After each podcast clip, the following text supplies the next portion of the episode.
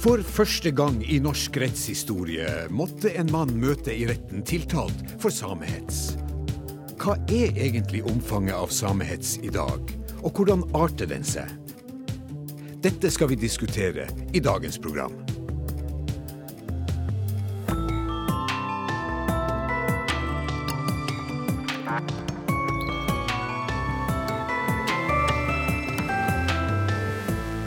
Fjor skrev avisa Nordland i Bodø en sak om reindrift. En mann fra Meløy ga sitt syn på samer og reindrift i avisas kommentarfelt. La oss først høre et lite utdrag av hva det var mannen skrev.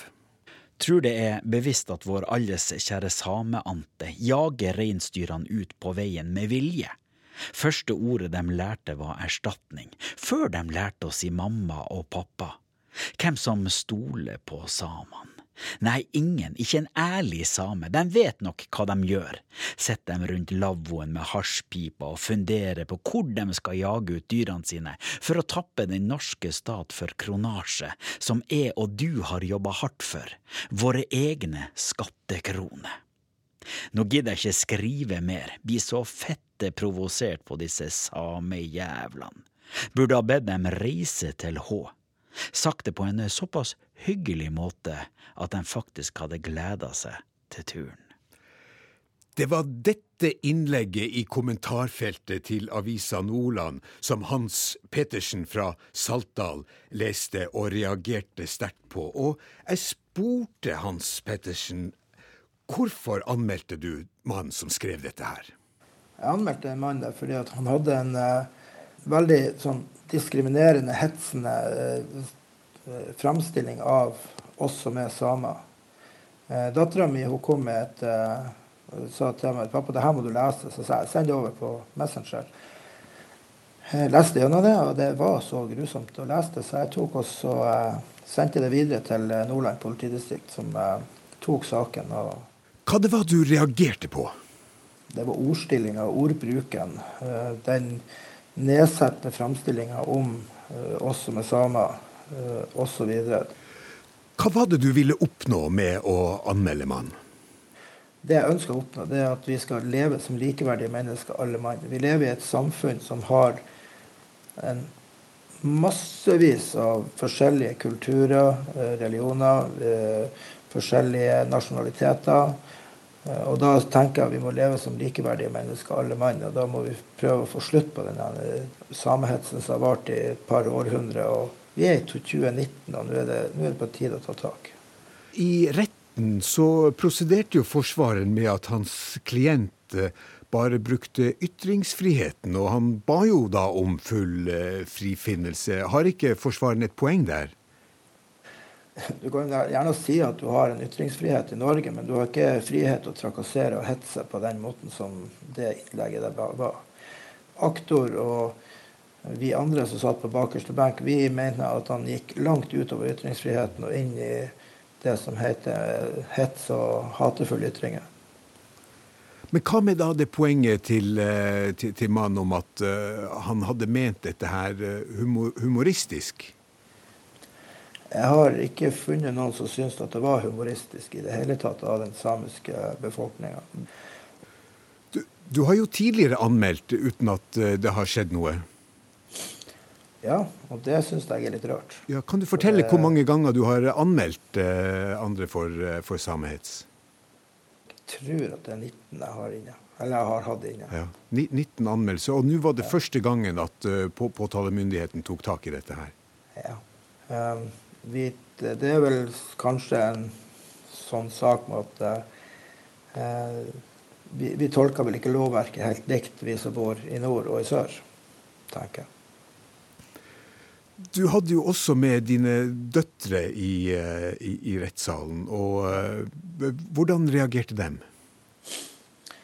Eh, det, det, var um, De reagerte jo egentlig med, si, med avsky, fordi at han, han En voksen mann. Han tok ingen ansvar. Han tok ingen Han visste ingen empati. Han uh, visste ingen medmenneskelighet. Han satt med ryggen mot oss hele tida. Og det, det, er tegn som uh, unge jenter i dag ikke forstår. Nå er de 16 og 20 år.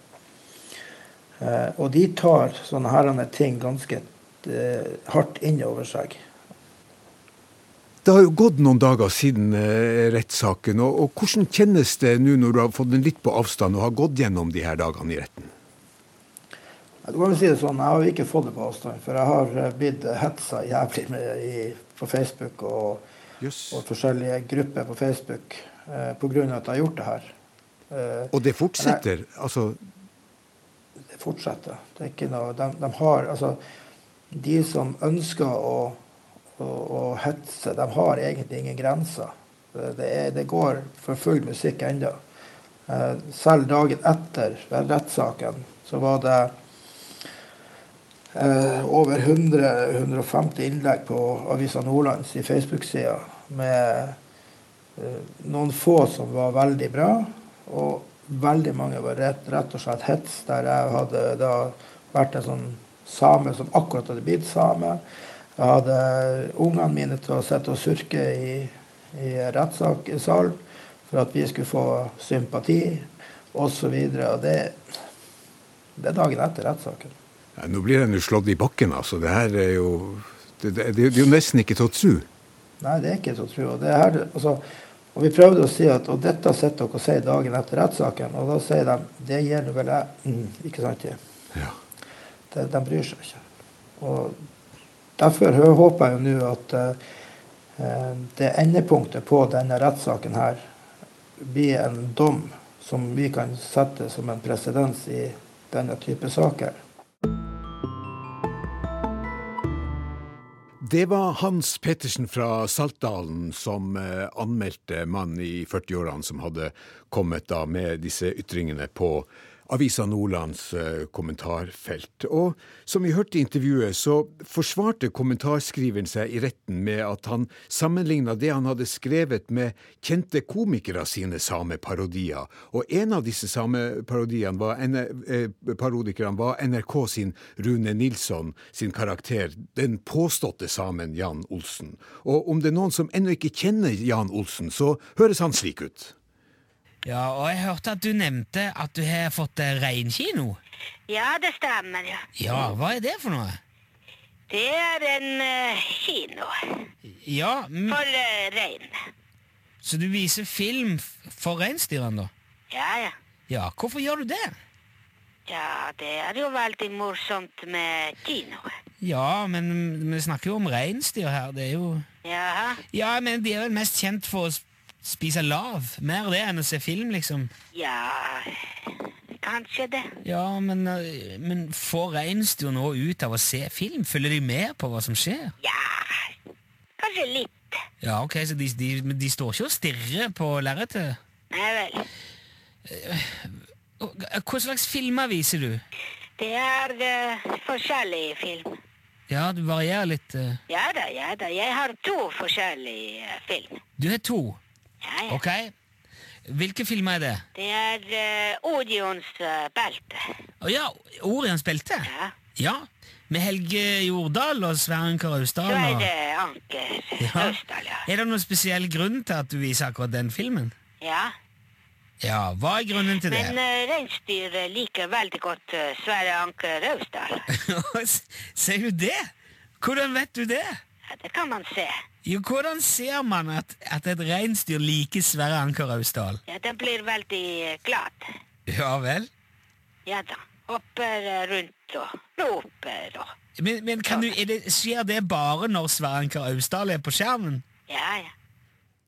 Ja, en klassiker fra Rune Nilsson her. Og så langt, eh, Jan eh, Olsen. Og eh, nå til Rune Nilsson, som skapte karakteren. Og da Rune Nilsson ble kjent med at den tiltalte i retten i Bodø sammenligna sin humor med Jan Olsen-karakteren, så protesterte Rune Nilsson. Og jeg snakka med han og spurt hvorfor han mislikte sammenligninga. Jeg syns ikke noen ting om. Jeg syns det er skivebom fullstendig. Det, det er som å sammenligne spurv og elefant. Det er, det er, to forskjellige planeter. Og Det er usaklig, jeg syns det er frekt, og jeg syns det er så drøyt at jeg ble ordentlig irritert.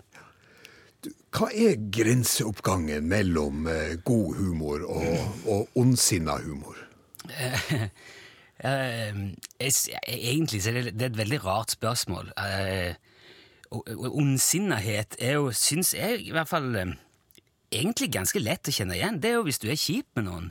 Hvis du er ufin, hvis du, hvis du er drittsekk. Da er du, da du ondsinna. Og det er samme om det er humor, eller om det er Jeg, jeg syns det handler mest om eh, Det, det er et sånn basisk spørsmål om folkeskikk, rett og slett. Ikke sant? Eh, Du har sagt i intervju at den samiske urbefolkninga har måttet tålt veldig mye ondskapsfull humor i mange år, og at du derfor måtte vise særlig aktsomhet da du skapte karakteren Jan Olsen. Og hva slags koordinater manøvrerte du etter når du skapte han? Ja, altså Først og fremst eh, magefølelse. Jeg, har, altså, jeg har vært rabulist jeg òg i min eh, ungdom. Ja. med seg. Var, jeg har hatt mange år i P3 hvor det var um, nesten om å gjøre å hamre flest mulig mest mulig. Men så Jeg vet ikke om det er noe som skjer når man får barn, eller eh, bare blir litt eldre. Men det kommer et sånt tidspunkt jeg kjenner hvorfor, hva er det jeg driver med, og hvorfor, hvorfor må det være sånn, egentlig? Og, og jeg gikk en del sånne runder på den den litt mer sånn klassiske humoren, det som jeg har vokst opp med, med Rolf Wesenlund og Harald Heide Steen og eh, Trond-Viggo Torgersen, mye av det der som er liksom mine humorhelter, Rolf Kirkevåg, de var aldri slemme, de var litt slemme prester innimellom. Men det, det var ikke noe, det var aldri den ondskapen. Og vi lo jo som vi pissa i buksa med, så tanken eh, vokste fram da at det må da kunne gå an å ha det artig uten at det skal gå utover noen. Og det var vi veldig bevisst på når vi starta Lunsj i, i P1 i sin tid, at eh, vi skal kun se oppover, vi skal kun være positive, og vi skal aldri sparke nedover, vi skal aldri la det gå utover noen. Nei. Det har tjent oss veldig godt, og det har vært veldig fint å jobbe med. Og etter hvert så har det blitt en litt sånn eh, Jeg skal ikke si fanesak, men jeg er litt sånn opptatt av det. eh, Hvis du ikke klarer å være artig uten at det ligger noen igjen i en haug bak deg og blør, så syns jeg du kan la være. så, um, så med det i, i bakgrunnen så um, så føler jeg jo vi hadde grunnfilosofien um, på plass, da, eller grunntanken på plass, når vi også skulle lage egentlig alle de figurene som vi har.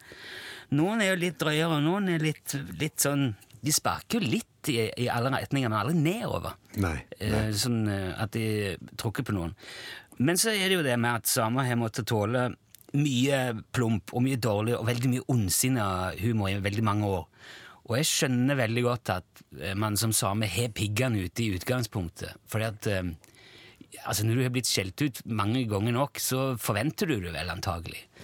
Og jeg tror eh, det er, det er veldig vanskelig, for du kan ikke styre hvordan folk oppfatter det du sier. Du kan gjerne styre dine egne intensjoner, men du kan aldri, du kan aldri kontrollere hvordan det blir oppfattet. Nei, Så du, er nettopp, du må trø på en sånn Du må ta veldig, veldig mange forbehold. Det første forbeholdet var jo å kalle han påstått same. Og det var, skal jeg innrømme, for å ha en nødutgang. Eh, For da var tanken at hvis vi bommer nå, hvis vi ikke klarer å balansere dette, og hvis jeg ikke treffer, så, så skal han bare få lyge det på seg. Da har han så lyst til å være same at han bare bløffer det på seg. Nettopp. nettopp. Men det ble aldri nødvendig. Nei. Og hva slags reaksjoner fikk du fra det samiske miljøet på Jan Olsen? Eh, De har vært veldig positive. Altså, han, han vokste jo litt sånn fram Han har jo vært med lenge. Det er kanskje den figuren vi har hatt med lengst, i hvert fall mest. Tabben var at han var med hver, hver onsdag, og da forplikta det seg voldsomt. Så det ble over 150 samtaler med han i, i lunsjperioden. 150, ja. Det er en anselig mengde. Eh, det, har, vært veldig lite sånn kjeft å få.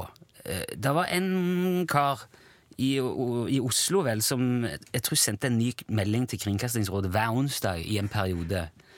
Um, og da ble det òg en diskusjon i Sametinget om det. og det var flere som, som på en måte var på banen, men uh, de, de sa alle sammen nei, dette her må vi tåle. og det var, det var ikke noe, du fant ikke noe galt med det. Da, så fikk han òg en fanklubb på Facebook på et tidspunkt som òg ble starta av eh, en same, Håkon Isak. Ja. Og der er det nå over 7000 medlemmer, tror jeg, som, Ja, som hører, hører på og diskuterer Jan Olsen. Da.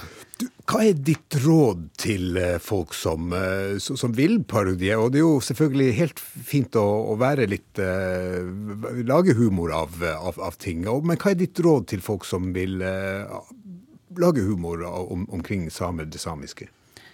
Nei, mitt, jeg, altså, mitt råd sånn generelt når det er humor, er å oppføre deg pent. Ikke si noe som du ikke hadde tort å sagt til vedkommende face to face, da, eller til en, til en same, eller om det måtte være en, en, jøde eller en pakistaner eller en nordlending eller en sørlending. Ikke, ikke bruk vendinger som du ikke tåler å stå for i, i virkeligheten. Helt til slutt, eh, Rune Nilsson, hvordan tror du Jan Olsen sjøl ville kommentert denne rettssaken? Jeg tror Jan har tatt det med knusende ro. Han er en eh, pragmatiker av rang. Og eh, han eh, har tidligere i hvert fall bare rista på hodet. og han, har vel mer sympati enn han har sinne for den slags, og innser, be, innser begrensningene hos folk som kommer med det. Per Christian Olsen spør hva skjer i NRK P2?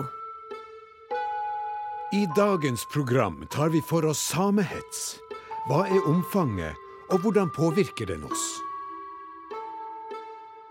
Jeg har i studio fått besøk av Hanne Magga, som står bak Facebook-gruppa Dokumenter samehetsen. Professor i kulturvitenskap ved Universitetet i Tromsø, Norges arktiske universitet, Ivar Bjørklund, forsker Kjetil Lenart Hansen, også ved Universitetet i Tromsø, og politijurist og aktor i saken mot den tiltalte 40-åringen i Salten tingrett, Gaute Rydmark. Og Først til deg, Hanne Magga. Jeg har vært inne på Facebook-gruppa du oppretta eh, som heter Dokumenter samehetsen. Og jeg må si at eh, jeg er temmelig sjokkert over de grove utskjellingene av samer som du dokumenterer der. Og kan du først fortelle hvorfor du oppretta denne dokumentasjonsgruppa? Det var rett og slett en ting som jeg gjorde i frustrasjon og avmakt. Eh, jeg har vært inne på enkelte av disse diskusjonsforaene som er på, på Facebook, som har Vi snakker 5000-7000 medlemmer og prøvd å, å, gå inn i en diskusjon for på en måte å, ta til motmæle. Men eh, jeg har følt så stor avmaktfølelse og blitt så på en måte mentalt utpeisa av å sitte og jeg skulle forholde meg til det der at, at jeg kjente hva, hva annet kan jeg gjøre? Jeg, jeg kan i hvert fall dokumentere det som foregår. Så det var liksom starten ja, på det, da. Ja. Uh, Kjetil eh, Lennart Hansen, du har i en årrekke forska på samisk folkehelse, og i den forbindelse så ble diskriminering av samer en del av din forskning. Hva har du funnet ut av uh, omfanget? Ja, jeg begynte jo for 15 år siden å forske på samer og helse. Og da gjorde vi jo en helseundersøkelse i de fem nordligste fylkene. Og det som forbausa oss da, det var jo at én av to av den voksne samiske populasjonen rapporterte at de hadde blitt diskriminert. Og, og, da var det snakk om etnisk diskriminering. Og det var jo voldsomme tall, og vi så jo at um, den var verst i de norskdominerte områdene, i kystområdene. Mm. Uh, hvor, eh, hva, hva, slags, eh, hvordan ytra denne her diskrimineringa seg? Hva rapporterte de du snakka med? Ja, Det var sånn at samer som hadde sterk samisk identitet, det vil si at de visste sin samiskhet, altså de snakka samisk språk, de gikk i kofta, de, de visste sin samiskhet. Det var de som ble mest eh, ble mest eksponert for diskriminering. Og, og mange sa at de, de ble diskriminert i det, i det, offentlige rom. Eh, de sa at de hadde opplevd diskriminering når de gikk på skolen. De opplevde det i arbeidslivet, og de opplevde det når de var ute i det offentlige. Og nå, denne siste innsamlinga gjorde vi jo i 2012. Og da var det veldig mange unge samer som sa at de hadde opplevd det på nettet. Faktisk én av fem unge samer i aldersgruppa 18 til 29 år sa at de hadde opplevd hets på nett. Ja. Og Hanne Magga, du, du, du, er med å dokumentere denne netthetsen. og eh, når du har, på, du har, holdt på, med dette her en stund, er, er dette her noe som eh, øker igjen, eller, eller avtar det? Nei, det avtar ikke. Det er jeg ganske overbevist, overbevist om. Og hver gang det dukker opp en eller annen politisk sak, så, så, får, eh, så får du en sånn oppblomstring i etterkant av det. da. Hvis det er en som kommer med et utspill i avisa, noen som kommenterer, og det er nok at ordene same, samisk, reindrift eller ja, Finnmarkseiendommen, at de ordene er med. Og så begynner det også å koke i feltene nedover. Ja. Og i det i siste så har det jo vært flere. Ja. Du, er dette i Nord-Norge eller, eller, eller, også sørpå? Det er også sørpå. Eh, en av de Så vi har jo eh, en stor samisk befolkning i Sør-Norge. Eh, og hver gang det står skrevet noe om reindrift der, så, så, skjer jo det samme i kommentarfeltene der nede. Men det er nok, det er nok større kanskje omfang eh, lenger nord. Men noen av de personene Vi har jo oversikt over en ja, 10-15 personer som går igjen med dette her.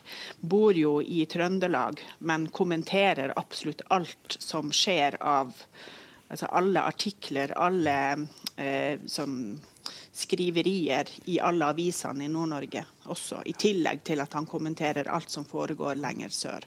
Akkurat, Så, så, så det, det, er ikke så mange som uh, diskriminerer? Så det, det, er en liten gruppe? Det er det du har uh, en følelse av? Det er både òg. Du har en, uh, en sånn kjernegruppe på en 10-15 personer som de andre lener seg på, som de andre henviser til. Og veldig mange av disse som er i den kjernegruppen, de tilhører det her miljøet EDL, altså etnisk demokratisk likeverd. Og så har du da folk som, er, som bor rundt omkring i det ganske land, som i miljøer hvor det er samer, som på en måte hiver seg på og kommenterer. og de, Det ser ut som at det er en helt normal ting å gjøre. De trenger ikke å tilhøre noe, noe stort miljø. Nei. Nå har vi ingen fra EDL her til å forsvare seg, men, eh, men, men du, du, har sagt det. Og eh, Professor i kulturvitenskap Ivar Bjørklund, du er også med oss. Finnes det noen god forklaring på det som eh, både Hanne Magga og Kjetil Lennert Hansen har dokumentert? Ja, forklaringa er todelt. Det ene handler om politikk, og det andre handler om teknologi. Den politiske forklaringa ligger jo i at du har hatt en aktiv fornorskningspolitikk i 150 år, som har ført til at det samiske ble usynliggjort. Altså Det ble skapt en veldig asymmetrisk situasjon.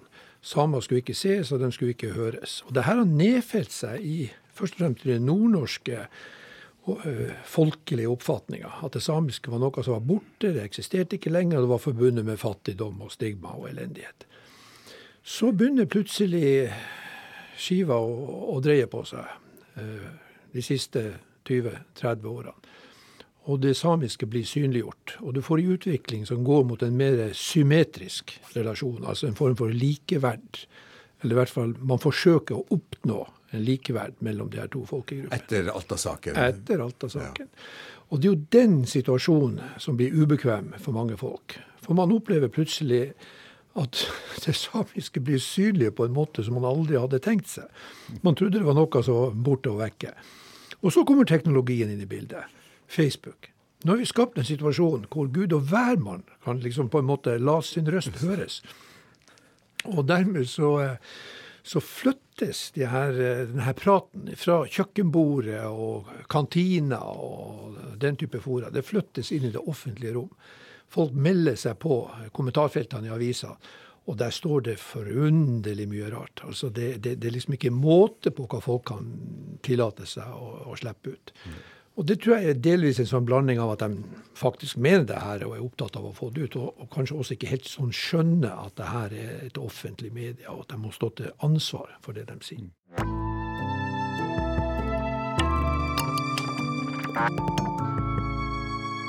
Vi starta sendinga med å eh, referere til rettssaken i Salten tingrett, der en 40-årig mann sto tiltalt for hatefulle ytringer etter straffelovens paragraf 185, der strafferamma er bot eller fengsel inntil tre år. Og Vi skal se litt nærmere på, på, på den saken, men først skal vi høre et intervju jeg gjorde med Ande Somby, som er førsteamanuensis ved juridisk fakultet ved Universitetet i Tromsø.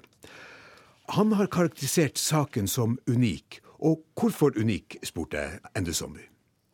Det er jo at eh, slike saker har ikke vært oppe for retten før. Sånn at hittil så har eh, den lovbestemmelsen vært en slags papirbestemmelse som bare har vært i lovboka. Det som nå skjer, er jo at den eh, lovbestemmelsen tar skrittet ut fra lovboka og ut i livet. Og da snakker vi om eh, paragraf 185. Og redegjør bare kort for hva paragraf 185 eh, sier. Det 185 eh, straffebelegger jo hatefulle ytringer. Og, og, og, er basert på en avveining av, av, på den ene siden ytringsfriheten, og på den andre siden at ytringsfriheten ikke skal være en mobbefrihet. Så vi står faktisk ved et veiskille i eh, norsk rettsforståelse av eh, hvordan vi skal forholde oss til hatefulle ytringer. Ja, i hvert fall i forhold til samer. Uh, den bestemmelsen om hatefulle ytringer, den har jo vært prøvet en del, men da i forhold til andre folkegrupper. Så det nye i denne saken her er at det samiske aspektet er trukket frem. Hvorfor kommer dette nå, tror du? Jeg tror det er to ting. Det ene er jo at eh, vi ved juridisk fakultet har hatt samerett som et obligatorisk fag nå i en årrekke. Og nå begynner kandidatene som da er skolert i samerett, å komme ut i rettslivet som dommere, som aktorer, som advokater. Så, så det er en slags gjenspeiling av, av det. Det andre som jeg tror vi ser, det er at det samiske rommet det bretter seg ut. Det har vært sammenbretta. Det bretter seg ut sånn at flere og flere områder i Norge blir klar over sin samiske bakgrunn. Vesterålen kommer, og Lofoten kommer. Og det er så artig for det at uh, denne saken har jo sitt utspring i Saltdal. Og det som er spesielt med at det, det, samiske rommet bretter seg ut, det er jo det at folk i uh, de områdene de er ikke vant til å bli hunsa med, sånn som samer fra Finnmark. De, de er numme av, av uh, rasistiske uttalelser. Men disse her nye folkene, de finner seg ikke i det. Du sa til meg før vi begynte her at, eh, at, du kommer jo fra Finnmark. Du er fra Tana i, i Finnmark. Og, og, selv du som er jurist, er på en måte blitt vant til dette her. For, for, forklar. Ja, man, jo, man har jo vokst opp med å bli kalt for lappjævel. Og, eh, og, og, blir man kalt litt lappjævel nå og da, så, så kom, får man en slags livsholdning at man tar de krigene man orker. fordi at, at, skulle man ha tatt affære hver gang, så ville det ha blitt veldig slitsomt. Og det er det den nummenheten um, kommer av. Så, så, det er kjempespennende nå at det kommer så å si ungt, friskt blod inn i dette her. Og at folk uh, liksom vil gjøre det til et prosjekt å få den lovbestemmelsen om til å bli en livsbestemmelse. Det var eh, Ende Zombie ved juridisk fakultet ved Universitetet i Tromsø. Og velkommen også til eh, deg, Gaute Rydmark. Du er politijurist, og du var aktor i saken mot mannen som sto tiltalt for eh, hatefulle ytringer i Salten tingrett. Og Ende Zombie pekte her på at det tok veldig lang tid før rettssystemet ville behandle en sak som dette om samehets. Hvorfor tok det så lang tid?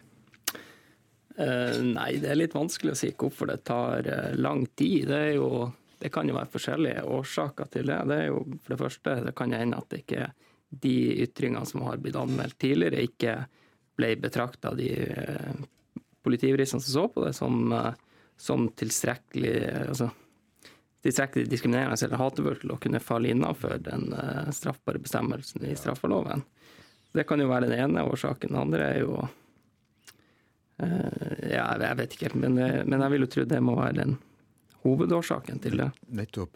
Men uh, Gaute Rydmark, du er utdanna ved Universitetet i Tromsø og har hatt samerett som obligatorisk fag. og Ende Zombie mente her at at en, en, premiss for at denne saken nå kommer opp, at, er, er, kanskje at det er en ny generasjon jurister som har fått utdanning i, i samisk rett, som eh, er ute og, og, og praktiserer jussen sin?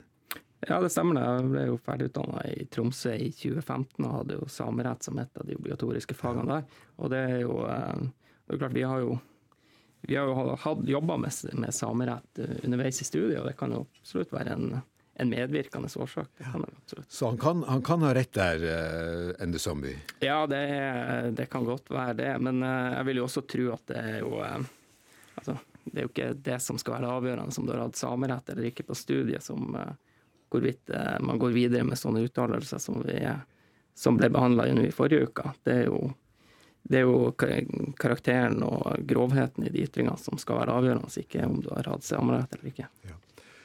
Eh, I rettssaken så påberopte tiltalte seg eh, humor. Eh, og, og, du har uttalt tidligere at du kunne heller ikke se noe humoristisk i de ytringene han kom med i kommentarfeltet. Nei, jeg syns jo ikke det var noe spesielt morsomme uttalelser som kom der. Men det er jo også litt av altså, konteksten de, de, blir fremsatt i. Altså, det her var det jo snakk om en nyhetsartikkel fra, på Facebook. Altså en en faglig, saklig artikkel som kommer om, eh, fra Finnmark. Eh, og du må også gjøre den vurderinga opp mot eh, den konteksten de, de uttalelsene blir fremsatt i. Vi hørte tidligere Hanne Magga peke på at hun hele tida finner hatefulle ytringer mot samer på, på, nettet. Hvorfor tror du at akkurat denne saken her ble brakt inn for retten? Nei, det er jo altså konkret denne saken, det er jo for at eh, både jeg og statsadvokaten som til slutt tok jo tiltale, da, mente at, eh, at de uttalelsene som ble fremsatt her, er, var av en sånn karakter at vi var nødt til å reagere mot det. At det, det var ikke, de var ikke innafor det man kan karakterisere som lovlig altså innenfor ytringsfriheten sine rammer. Vi skal snakke litt mer om det. La oss eh, først eh, sette ytterligere søkelys på at diskriminering eh, av samer forekommer i alle lag av folket, også i kulturlivet. Vi skal høre litt eh, fra et lydspor fra kortfilmen 'Solens datter' av Sara Margrethe Oskal. Den handler om forfatteren Anne som kommer til en skriveworkshop som den eneste samiske deltakeren. Og Annes første møte med gruppa er når de varmer opp med å lage pingvinlyder. Hør på dette.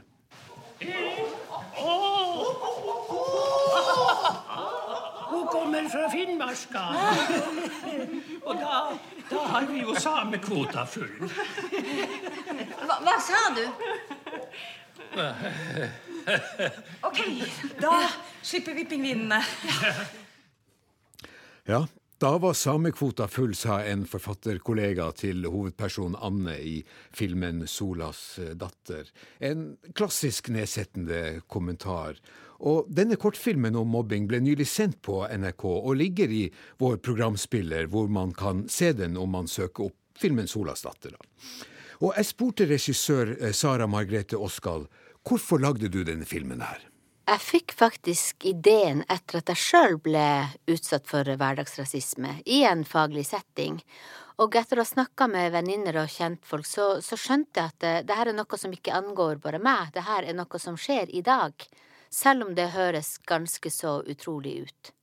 Vi, vi tror kanskje at kultursfæren er mer uh, tolerant, men uh, hva, hva, er din erfaring?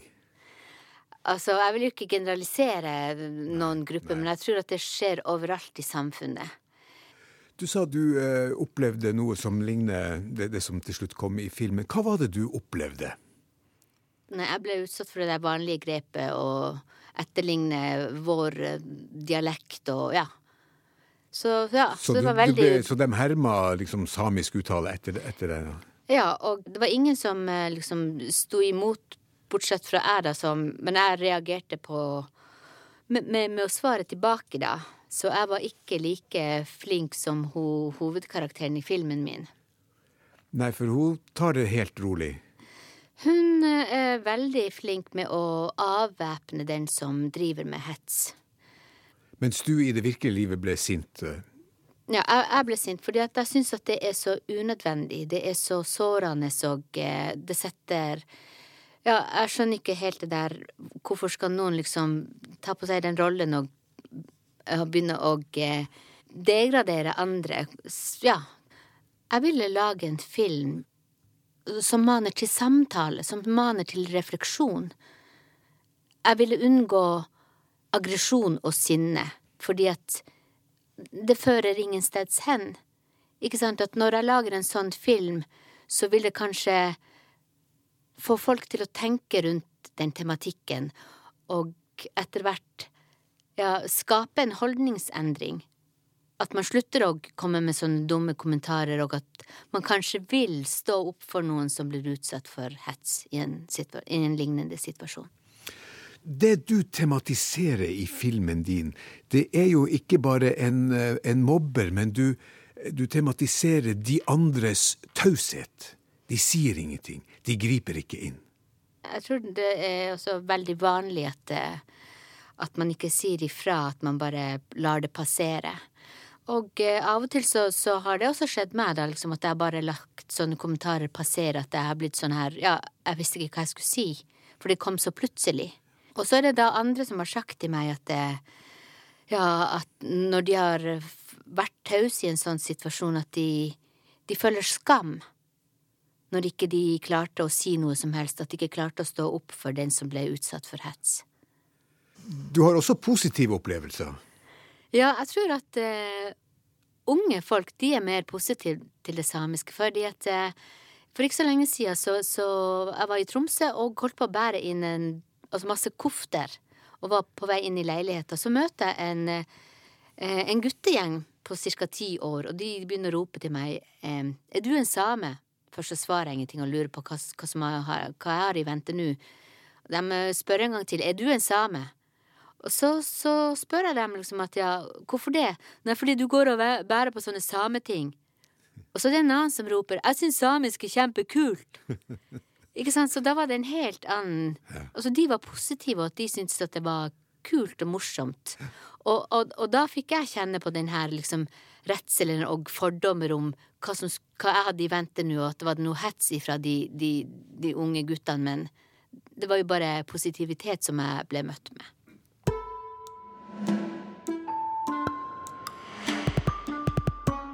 Det var regissør eh, Sara Margrethe eh, Oskal, og vi hørte hun på slutten si at hun hadde fått kommentar på at det var kult å være samisk, og i fjor så fikk jeg jo inntrykk av at eh, hele Norge syntes at samisk var kult når Elle Maria Hetta Isaksen vant eh, Stjernekamp. Og eh, Hanne Magga, du driver jo nettsida og dokumenterer samehetsen. Eh, Ble, ble det ble, ble det litt, litt mindre forferdelige ytringer etter, etter Stjernekamp, eller hvordan merka du det?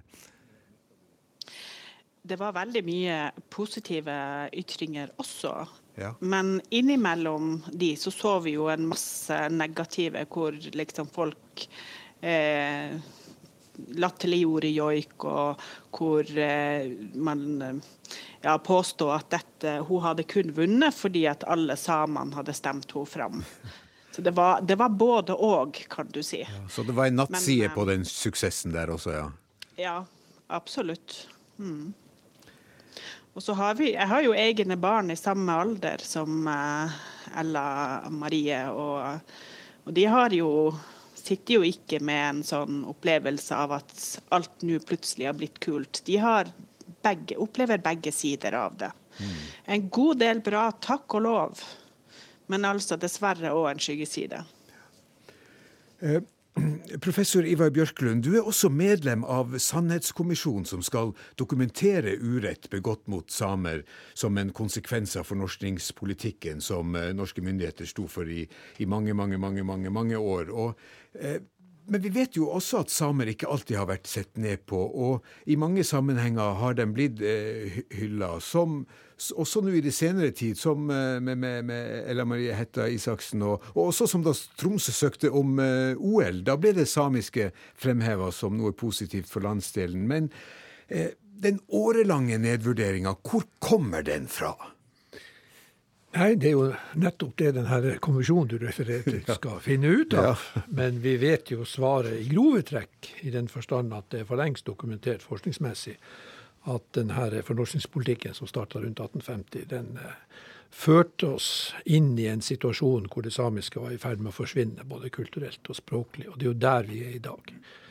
Eh, de tingene du refererer til om eh, Grand Prix og OL og sånt, det tror jeg vi foreløpig skal betrakte som mer kosmetiske utslag. Ja, nettopp. Nettopp. Eh, Kjetil Lennart Hansen, stemmer det det som vi hørte i innslaget med Sara Margrethe Oskal, stemmer det med din forskning at, at hatefulle ytringer kommer fra alle lag av befolkninga? Ja, det, det, stemmer, det. Så det, det, viser seg at den, den eh, kulturen med kjip humor, den, den fins i alle samfunnslag. Både fra arbeideren til eh, professoren og, og, advokaten. Så det er det mange eksempler på på nettet at, eh, at lite kunnskap om samisk kultur og identitet, den, den finner man overalt. Og det som er viktig, det er jo at, at vi får inn mer kunnskap i, i samfunnet om, om, om, om, det samiske. Så det samiske ikke blir så eh, farlig, og, og, og, man får så mange dumme kommentarer og kjip humor. For ofte så kan man jo høre at eh, offentlige personer um, som ofte snakker de veldig godt om mange andre grupper, men når de skal kommentere det samiske, så har de lite kunnskap, og, og da blir det eh, ofte dårlig humor også. Ja, nettopp. Ja. Dessverre. Ivar, Ivar Bjørklund, du ba om ordet. Ja, det er noe veldig spesielt med hvordan skal vi si, samehumor er blitt en del av den nordnorske folkesjela. Det er altså for lengst akseptert at du i det offentlige rom kan drive med det som man kunne kalle for hetsing og presentasjon av fordommer. Det slår jo ut i revylivet, det slår ut i ulike former for underholdning. Det, altså På ulike vis så er det her blitt standardisert og akseptert. Det er liksom først nå at folk begynner å stille spørsmålstegn ved det. Og jeg tror alle som tenker seg litt rundt det her, de, de kan en samevits. De har hørt en samevits. De vet hvordan det her er på en måte er filtrert inn i det nordnorske landskapet og er blitt en sånn standard, standard. Det er noe som alle kjenner til. Bare det å bryte litt på dialekten når du snakker, da gir du øyeblikkelig en referanse til noen som står under deg, og som er liksom ikke så mye å bry seg om. Det her skjer, som det ble nevnt, i alle lag og til alle tider. Per Christian Olsen spør hva skjer i NRK P2? I dagens program tar vi for oss samehets. Hva er omfanget, og hvordan påvirker den oss? I studio Hanne Magga, som driver nettstedet Dokumenter samehets. Forsker Kjetil Lennart Hansen professor Ivar Bjørklund og politifullmektig Gaute Rydmark. Jeg tenkte at vi også kanskje trengte psykologhjelp for å forklare hvilke mekanismer som ligger bak samehets. Anne Lene Turi Dimpas arbeider som psykolog i Kautokeino. Hun kunne ikke være med oss her, så jeg snakka med henne på forhånd, og jeg spurte om vi også må lete i psykologien etter svar på hvorfor det finnes samehets. Ja, det kan hende vi må gå til psykologien og filosofien og sikkert eh, flere andre vitenskaper. Men ja. Eh, det er jo ikke noe ukjent fenomen. Eh, diskriminering og hets mot samer og andre urfolk og andre minoriteter. Det har vel alltid vært her i de områdene vi bor, og det er jo et problem over hele verden, det her med diskriminering. Og det Hva er det de gjør, dem som uttaler seg nedsettende om andre? Hva er det de oppnår med, med, med, det? Hva de oppnår, vet jeg ikke. Men det er jo en eller annen slags aggresjon eller agitasjon mot, mot, en gruppe. Kanskje man får ut noe agg man har inni ja. seg, eller Du er jo samisk sjøl. Har du opplevd eh, diskriminering? Jeg har opplevd masse diskriminering. Både åpen diskriminering og skjult diskriminering. Diskriminering forkledd som humor. og og ganske vanlig, syns jeg, i Nord-Norge er eh, hets eller diskriminering forkledd som eh, politisk argumentasjon eller vitenskap. Eh, at man kommer med vitenskapelige utlegninger eller historiske eller arkeologiske utlegninger ja. som hvor man tenker er det her en, en veldig historieinteressert person som vil argumentere vitenskapelig, eller er det egentlig hets forkledd som noe slags vitenskap eller, eller politisk argumentasjon? Hva slags ansvar har du og jeg hvis vi er til stede i situasjoner der vi ser at uh, samer og, og, for så vidt andre minoriteter, andre mennesker, blir mobba? Skal vi gripe inn, og hvordan skal vi i så fall gjøre det? Altså, jeg syns det er vanskelig. Altså, det generelle rådet, det de fleste vil tenke, det er jo at det, jeg vet hva, stå opp for deg sjøl. Arrester deg i situasjoner. Hvis du møter hets, bare marker på et eller annet vis eh, at det her ikke er greit. For det er sånn man kan snu det. Samtidig så har jeg lyst til å nyansere litt, for det er ikke alltid det er så lett i situasjoner. Jeg har opplevd f.eks. En, eh, en klassekamerat som i fem år eh, snakka sånn tulle, tullegebrokken norsk med meg hver gang jeg kom inn i rommet. På fem år arresterte jeg ikke vedkommende en eneste gang. Jeg har opplevd på gata, uteliv i sene nattetimer, i en by f.eks., å bli ganske aggressivt hetsa. Jeg gjorde ingenting sjøl. Ehm, for da tenkte jeg, hva oppnår jeg med det? Det, bare, det kan bli vold av det her og store problem. Så det finnes jo situasjoner hvor hvor man ikke tør, man blir jo redd. Man kan bli redd, f.eks. Trua fysisk. Hvor eh, det kan bli farlig situasjon å, å, eh, å, stå så veldig opp og stå opp for seg sjøl som man tenker det er riktig å gjøre. Og folk kan jo være uenige. Noen mener at nei, vet du hva, hver gang må man, man må, enten det er grovt eller mindre grovt, så må man sette ned foten og markere at det her ikke er greit. Og det, det, kan man også gjøre. Men så finnes det situasjoner hvor det ikke er så lett, hvor man tenker kanskje etterpå at Hvorfor sa jeg ingenting? Hva jeg satt der og tok imot? Eh, det her er jo helt håpløst. Alle må jo stå opp for seg sjøl osv. Så, så du har vært i situasjoner hvor du er glad for at du ikke har sagt noe, og så har du vært i situasjoner hvor du angrer at du ikke har sagt noe? Ja, ja, ja. Det er mange situasjoner hvor jeg har tenkt at uh, her var det en situasjon det ikke skulle vært så vanskelig å sagt unnskyld meg, det her er ikke greit å si. Det er lurt å ha tenkt igjennom de her tingene. Uh, hva er de gråsonene? Når må jeg faktisk si ifra? Når er det ikke lov å å slippe unna med altså, rasistiske uttalelser, f.eks. Det skal vi jo ikke godta i dette samfunnet. Skal vi det? Det spørsmålet stilte psykolog Anne Lene Turi Dimpas. Og Gaute Rydmark, du var, som vi har hørt, eh, aktor i saken mot 40-åringen som sto tiltalt for hatefulle ytringer mot samer. Og går en av hovedveiene til å bekjempe denne type ytringer via rettsvesenet? Ja, det, det, gjør det jo absolutt. At eh, både politiet og retten slår ned på de uttalelsene som, eh, som, ikke greie å komme. Og det virker jo som at terskelen eh, Terskelen blir jo lavere og lavere for å komme de nå gjennom både kommentarfeltet på internett og sosiale medier generelt, så, så ser man jo at uh, terskelen for å komme, komme ufine og rasistiske uttalelser virker jo å være lavere og lavere. Ja. Så hva blir konsekvensen, tror du, eh, fremover? Eh, ser du for deg at det vil eh, bli reist flere slike saker? Ja, det tror jeg det fort kan komme til å gjøre. at man det virker som sagt at terskelen blir lavere og lavere for å komme med disse typer uttalelsene. Og da, det, da, vil det jo automatisk nesten generere mer, mer, anmeldelser til politiet, og som igjen vil komme inn til, komme inn til retten. Har du i løpet av prosessen med denne saken uh, fått uh, henvendelser uh, som, fra, fra, fra, folk? nei, han har jo ringt han, Hans Pettersen, han som anmeldte det, og han var jo veldig Han ringte jo og takka at vi tok det på alvor, og at vi gikk videre med det når han, forstod, når han hørte at saken at du hadde tatt tiltale og at saken skulle opp i retten. Så han ringte jo og, og var veldig takknemlig for, for det. da. Hanne Magga, i i, i, hva slags grad tror du at uh, troll kan stagges ved å løfte dem frem i lyset, sånn som du gjør? Jeg tror det er kjempeviktig å sette lys på det. Fordi eh, veldig, altså det, folk opererer i et ekkokammer. Hvis de bare får speile sine egne meninger, og det ikke er noen som sier imot dem, så blir dette her en sannhet for mennesker som ikke har noen kunnskap i det hele tatt. Jeg vil jeg vil eh, fortelle litt om, om, mine barn. som eh, har gått i samisk barnehage, og de har gått i samisk klasse i Tromsø. Og som måtte stå i den, altså oppleve den stormen som skjedde i 2011, da, under valgkampen der.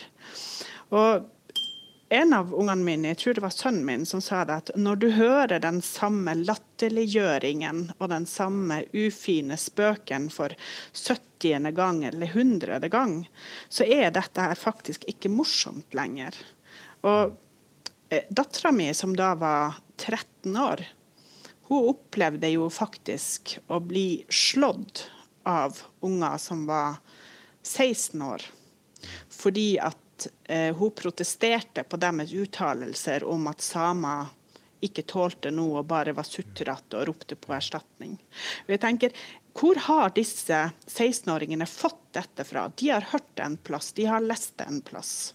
Vi er nødt til å gå inn og, og si ifra at dette her er ikke greit, ja, ja. hvis vi skal få stoppa det. Ja, barn suger ikke slikt av eget bryst, nei. Nei, de gjør ikke det. Eh, Kjetil Lennart Hansen, du eh, forsker på, på, på, folkehelse. og Bør bekjemping av rasisme anses som et tiltak for å forbedre folkehelsa? Ja, det er kjempeviktig, for vi vet at uh, samhets og diskriminering de har mange av de samme mekanismene som mobbing. Og for unge så kan det føre til angst, depresjon, det kan føre til magesmerter. Det kan uh, føre til selvforakt for, sin, for sin egen samiske kultur, søvnproblemer, konsentrasjonsproblemer og i verste fall selvmordstanker. Så det er et uh, folkehelseproblem som vi må ta på alvor. I tillegg så er det jo veldig mange unge samer som blir redd for å ytre seg i det offentlige rom.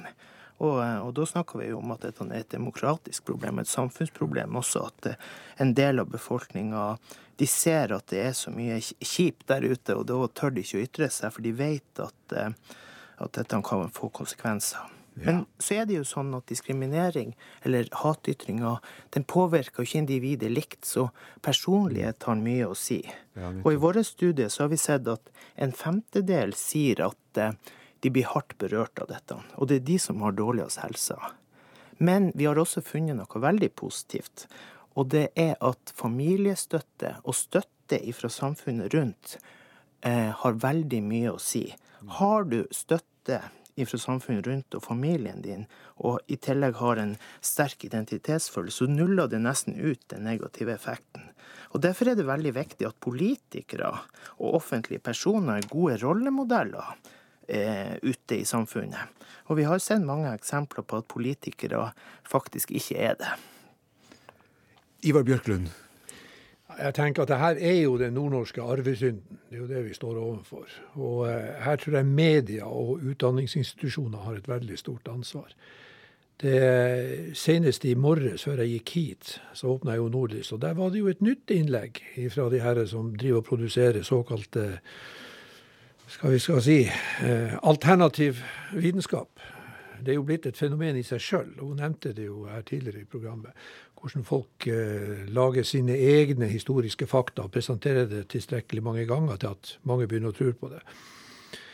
Så du får en situasjon hvor eh, sannhet etter hvert blir et ganske sånn eh, diskuterbart fenomen. Og eh, det, kan, det dukker opp den ene påstanden etter det andre om hvordan ting egentlig henger, henger i hop. Og så vet vi, da, vi som nå har jobba litt med at det, det, er ikke sånn.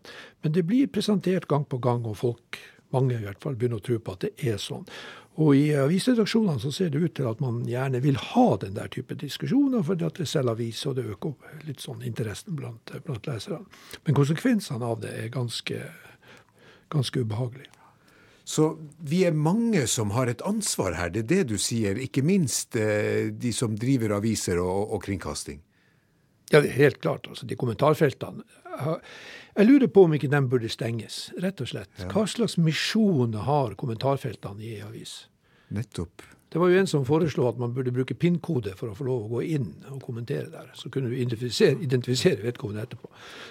Pluss at de samme kommentarfeltene åpner opp for en del sånne spinneffekter, hvis det er noen som virkelig vil begynne å drive uh, på russisk vis, så, uh, så er mulighetene legio. Nei, steng dem.